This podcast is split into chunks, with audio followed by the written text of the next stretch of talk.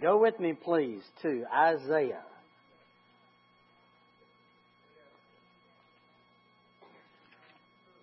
Chapter 61.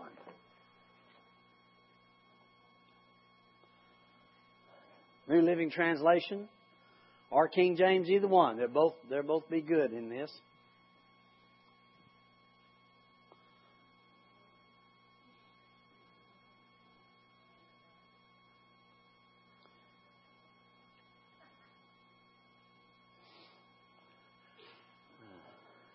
We started maybe last Wednesday night, and, and we'll continue even this Sunday, talking about running over, not running out. I don't know about you, I don't like running out. I don't like running out of energy. I don't like running out of time. I don't like running out of money. I don't like running out of patience. I don't, none of y'all have none, none, never done that, but, you know, I don't like running out of anything. And God is a God of abundance. All right, stay with me now. I won't take, we're not going to do this very long. We'll just He's the God of abundance. Our God is not on the outside looking in. He is on the inside looking out.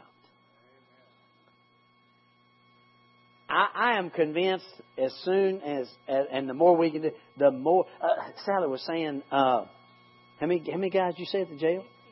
56 men want to be water baptized at the jail. That's Jesus on the inside looking out.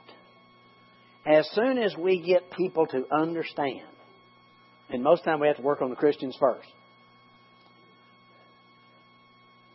that Him on the inside looking out is going to change everything. Aren't you thrilled that you know now that God can take care of His own? That, that he can. I was telling a minister the other day that, that very fast. I said, you know, it's wonderful to realize that we don't have to guard everything and think we have to make it so that what so that Christians will actually be Christians. You're really excited tonight, aren't you? No.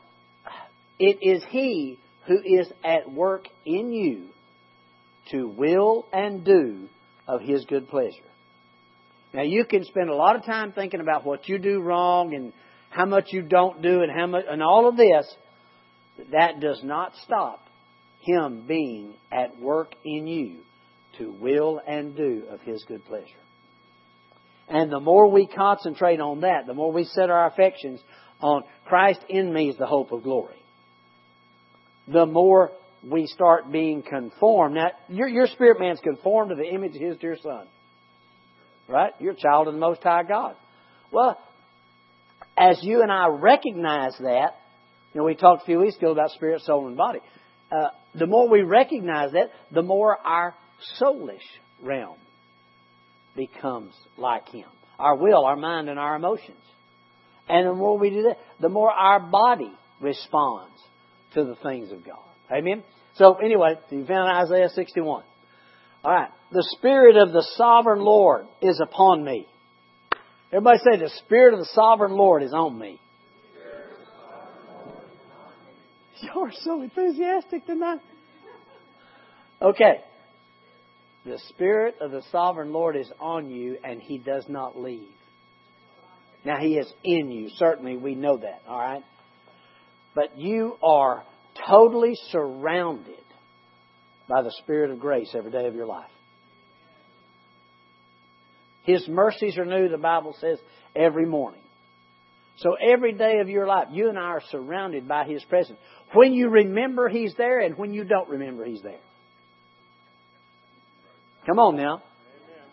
Well, because the times when you don't remember He's there, then here comes along the devil to try to make you feel guilty that you didn't remember that He's there. Right? No, That's not the Lord doing that. That's the devil. Why? Because he wants condemnation again. Because condemnation and guilt take you away from, from the God who wants to simply be led or lead you by His Spirit in you. Okay. So the Spirit of the Lord is upon me. Okay. The Spirit of the Sovereign Lord. This is what this said. For He has anointed me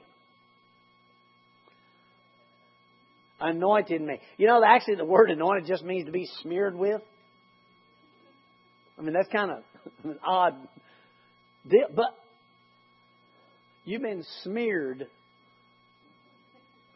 That's kind of a weird word, isn't it? Smear. You have been smeared with the presence of God. It, in other words, it's as a child of God, the Spirit of the Lord is not just on you, He is in you. I realize that's Old Testament. But the, you, you are wall to wall Jesus. Once again, when you act like it and when you don't act like it. Why? Because the spirit realm is more powerful than the fleshly realm. The spirit realm is more powerful. What Jesus did in you by the Spirit is bigger than anything your soul or your flesh could come up with. That's our thinking. That's why I said, let this mind be in you that was also in Christ Jesus. Okay? We need to let that mind be in us. Not the mind of, well, I just haven't done very good. No, the mind that he, the Spirit of the Lord is upon me and He has anointed me. Okay? And this, I really had, I mean, this isn't what I was going to talk about, but this is good, okay? He has anointed me to bring good news to the poor. Now, in the King James Version, oh, oh, go to the King James, would you please? The Spirit of the Lord is upon me because He has anointed me to preach the gospel, uh, preach good, good tidings unto the meek. He has sent me to bind up the brokenhearted, proclaim liberty to the captives, opening of the prison to them that are bound,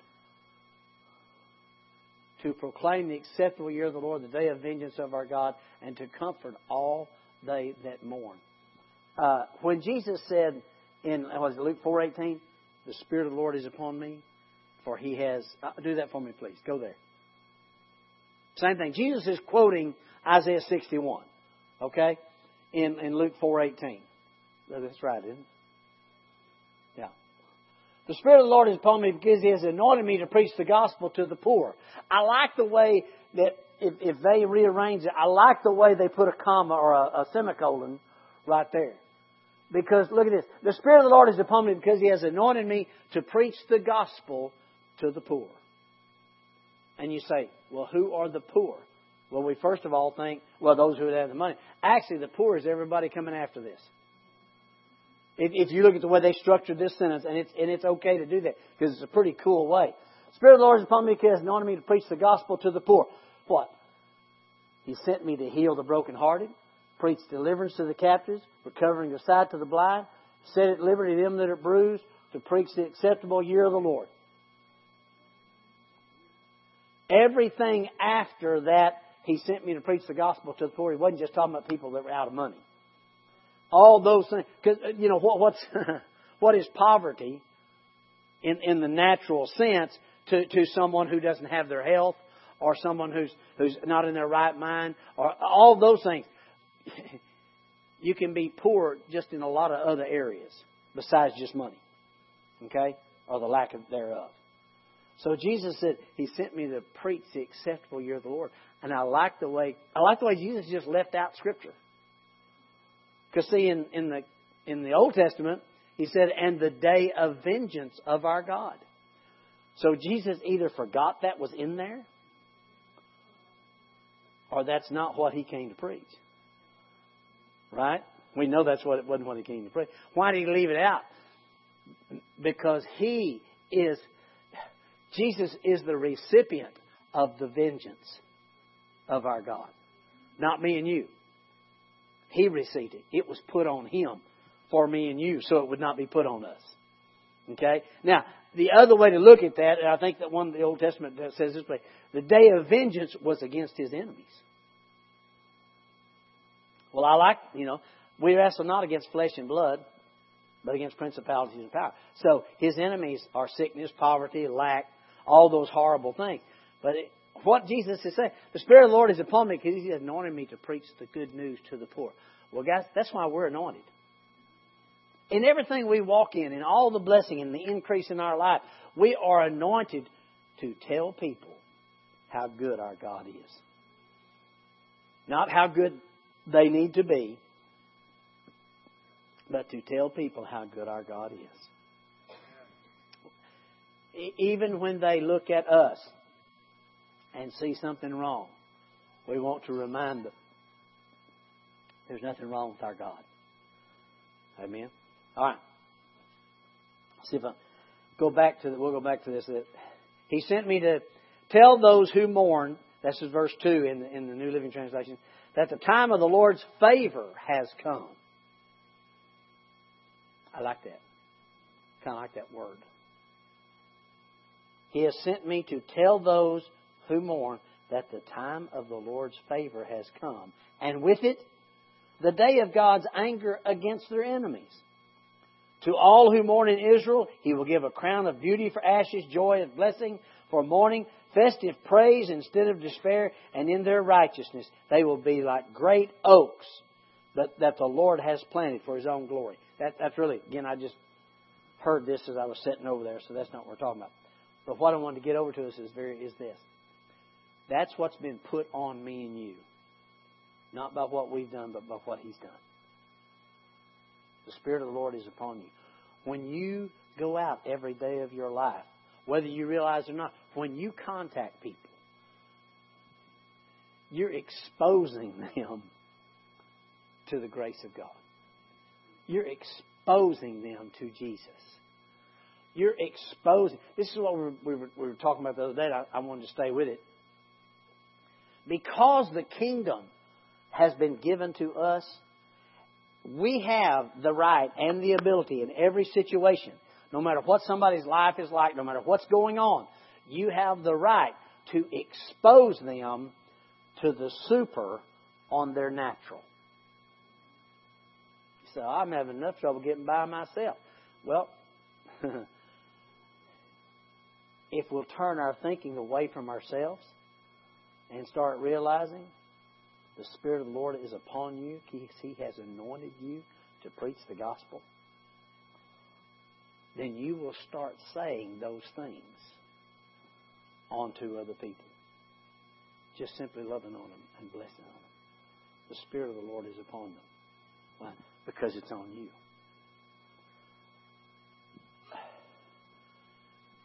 Someone was talking about me the other day, a, a, a close friend, and and they said, uh, I I really don't get it. And I said, What are you talking about? It seems like, and, and I've been with this person in different situations, dealing with business and things like that, and and just government officials and things like that. And he said, uh, I don't get it. Wherever we go, no matter what the situation is, it shouldn't happen, and people bend over backwards to do what you want, and I don't get that. Well, I'm not trying to make anything happen that's not supposed to happen. I, you know, I'm just here's what we expect. I expect that if I go into a place and it closes at five o'clock and I get there at five minutes till five, I expect that they'll wait on me. I just expect it. And I act like it. Because that's the way it's supposed to be. See, when you go in thinking things are not going to work, most of the time they don't. And we should never feel that way. Why? This is the day of the Lord's favor. I didn't say putting people out and making them stay 15 minutes late and that, that's not what I'm talking about. I'm, I'm talking about not too long ago in a situation like that. This person was going to leave 15 minutes early in a situation because uh, we got there at 15 minutes till before time. Well, they just didn't think it was, you know, well, we just don't have time to do that. And I said, well, you know, that's fine. I said, we don't, we don't mind coming back, but. And that person said, well, you know, I guess we do have time. Thank you, Lord. Why? It's it's. I mean, these are just little things. You understand? But guys, we must get to the place where we start expecting the blessing to operate on our lives instead of something always. Well, I tell you what, I never get. See, we have to get to the place. Well, how do you do that? By reading and seeing that the favor of God's on you. See, when Jesus said, The words that I speak to you, they are spirit, they are life, well, the word word there is the word rhema. When the Lord tells you, when it speaks in here, when, when you just have this this idea or, or this, I need to go down here today, I need to do this today. When you follow that, the Spirit of the Lord is upon you. He has anointed you. See, that's not the logos working, that's the Rhema working. That's the word for today working. I, I uh, told this somebody the other day, and y'all have heard me say this many times. This written word, it is the Word of God. Every bit of it qualifies to be the power of God, right? But we know just by it being the written word doesn't make it the power because if it did, ever this book would be glowing, and everywhere you touched it, it you right, you know. So I told somebody and they thought, that is the coolest thing I've heard. I said, you know, it's the written word is like that birthday card or that anniversary card or something that you buy off the shelf. Okay? And has some really wonderful, really nice, cute, whatever saying that's already written in there that, that might fit you. But when you get that card and, and it's for you and you open it up and you read and guys are kind of this way we, guys think cards are to hold stuff. Okay? The ladies look at the cards and they, oh, oh, oh, isn't that beautiful? Oh, guys are going, what's in there? There's got to be something, you know, that's what guys think the cards are for. Alright? But this word is like that birthday card that has those things written on it. But then when you open that card and it's written, all that's in there, but then you look down at the bottom and the person that loves you wrote something especially for you, that's the Rhema. That's what comes alive. That's when you see the person that loves you wrote something. Well, when this gets off the page and it gets in this heart, when it comes alive, that's when things start changing. Now, go, go, here's what I'm going to go. Go to Mark 11, 23. I want to show you something. We are people of the Word, right? We are people of confession. How many of you make confessions? Confessed, I've confessed forever. Okay? For, for a long time, that was my, my whole religious life, was confessing. Okay? Mark 11, 23. Verily I say unto you, that whosoever shall say to this mountain, Be thou removed and cast into the sea, shall not doubt in his heart, but shall believe that those things are words, okay, those things which he says will come to pass, he shall have whatsoever he says. And I was reading this just, just the other day, and I got a hold of something that this may not fit anybody but me, but this is for me. Because I was a confessor. Okay, I'd confess this word, I'd confess this word, I confess this word. And nothing wrong with that. If you got confessions you make every morning, you keep doing it. That's a wonderful deal. Why? Because this at any time can come alive. Okay, and the power of God's in it. When I was reading this, whosoever shall say to the mountain, Be removed, cast into the sea, not doubt in his heart, but shall believe that those things that he says will come to pass, he'll have what he says. Those things. Okay, that jumped off the page and got in me, and it stopped being what I confess and it started, it, it made understanding with me. It's, it's those things that I say. When I'm not guarded, when I'm not trying to do it, it's those things that I say for me when I believe it. That, that's like if you tell me something that's contrary to the Word of God in my life, I'll very quickly, and I may give you a scripture, and you may too when you do it this way. But what comes out of you are those things that you say. Those things. No, uh-uh, I will not have this. By his stripes I'm healed. Those things that you say. Not, oh, let's see, what, what scripture is that? There's nothing wrong with that. Find in that scripture.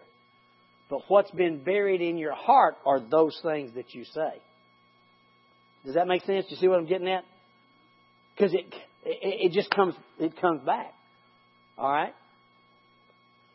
when we're talking about changing lives or changing our life, spiritually, mentally, physically, financially, or socially, what he said was, those things you say are going to come about.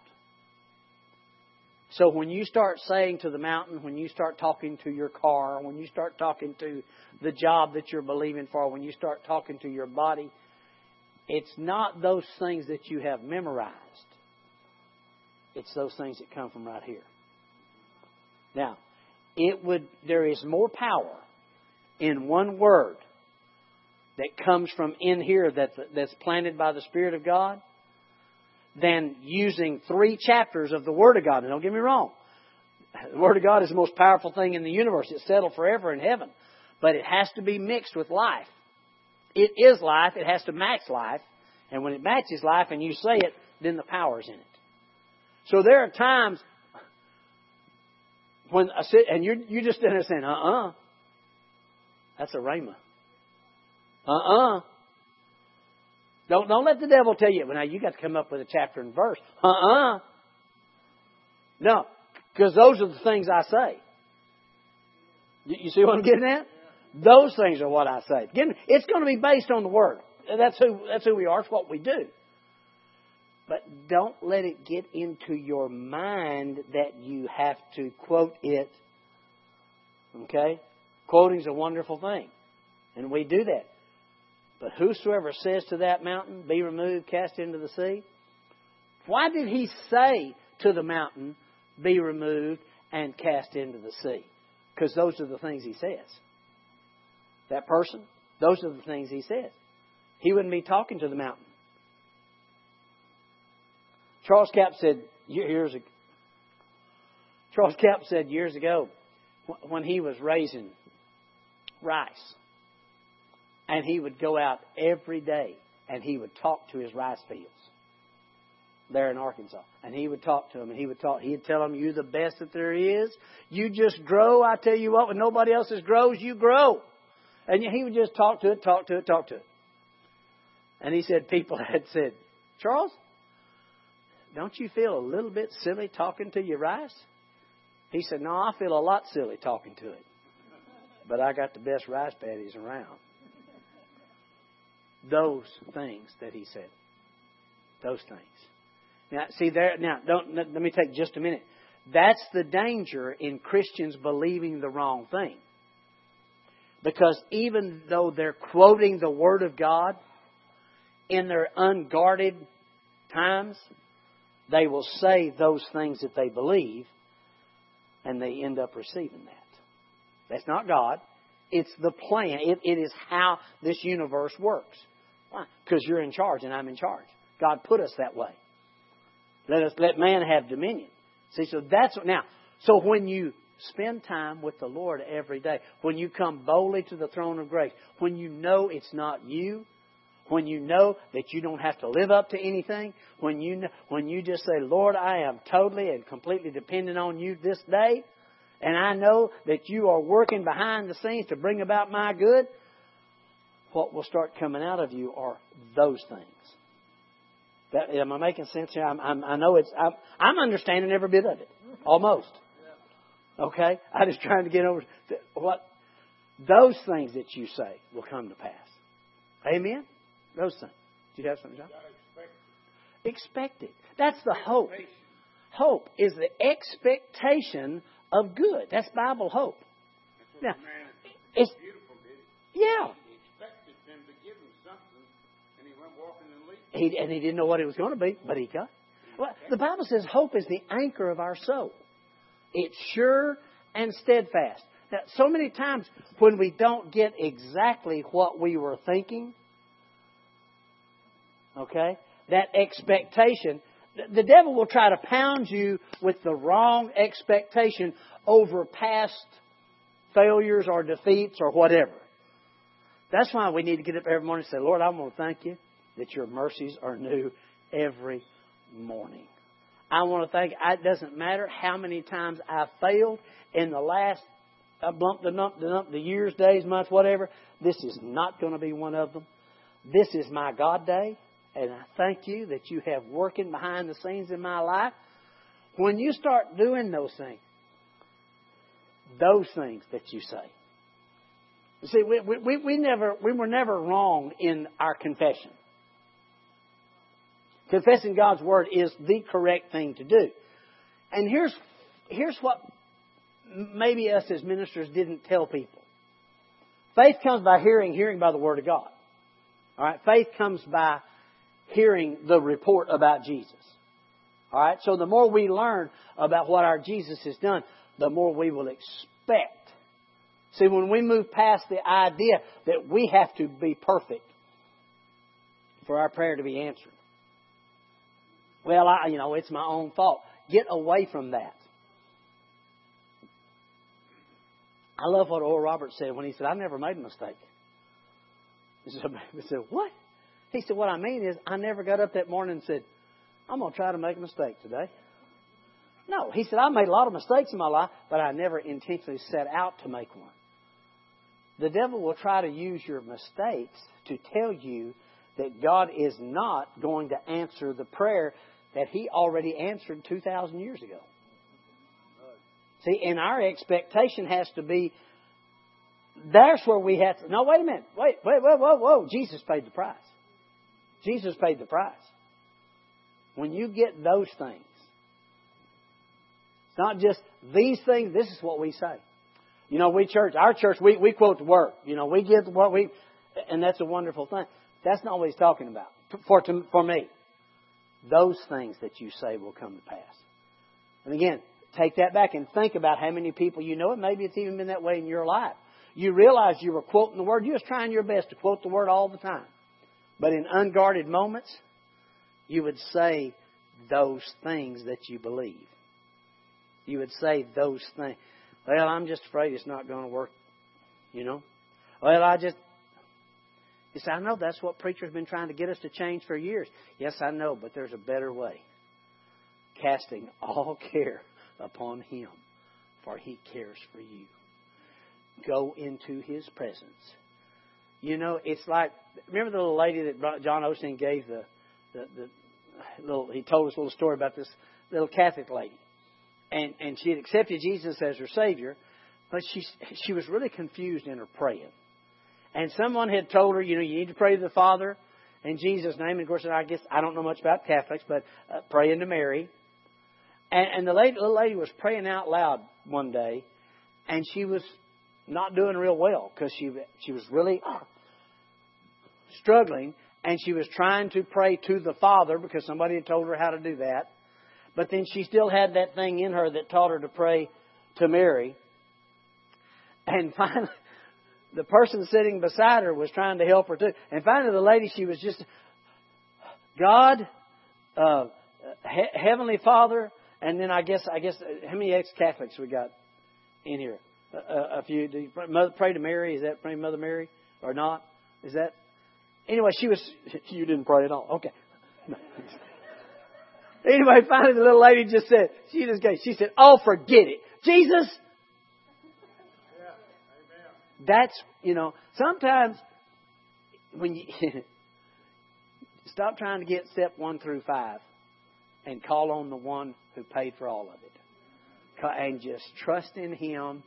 Why? Because the Spirit of the Lord is upon you. He has anointed you, and this is what takes place. Those things that you say come to pass. So it is good to learn these basic principles of how good your God is, how much He loves you, what He's going to do for you every day, and say those things. Even when you don't feel like you have a right, when you feel like you don't deserve anything, say those things. My God loves me. My God thinks I'm it. My God, see, those things. When you say those things, it's when they come to pass. Amen? We're out of time. We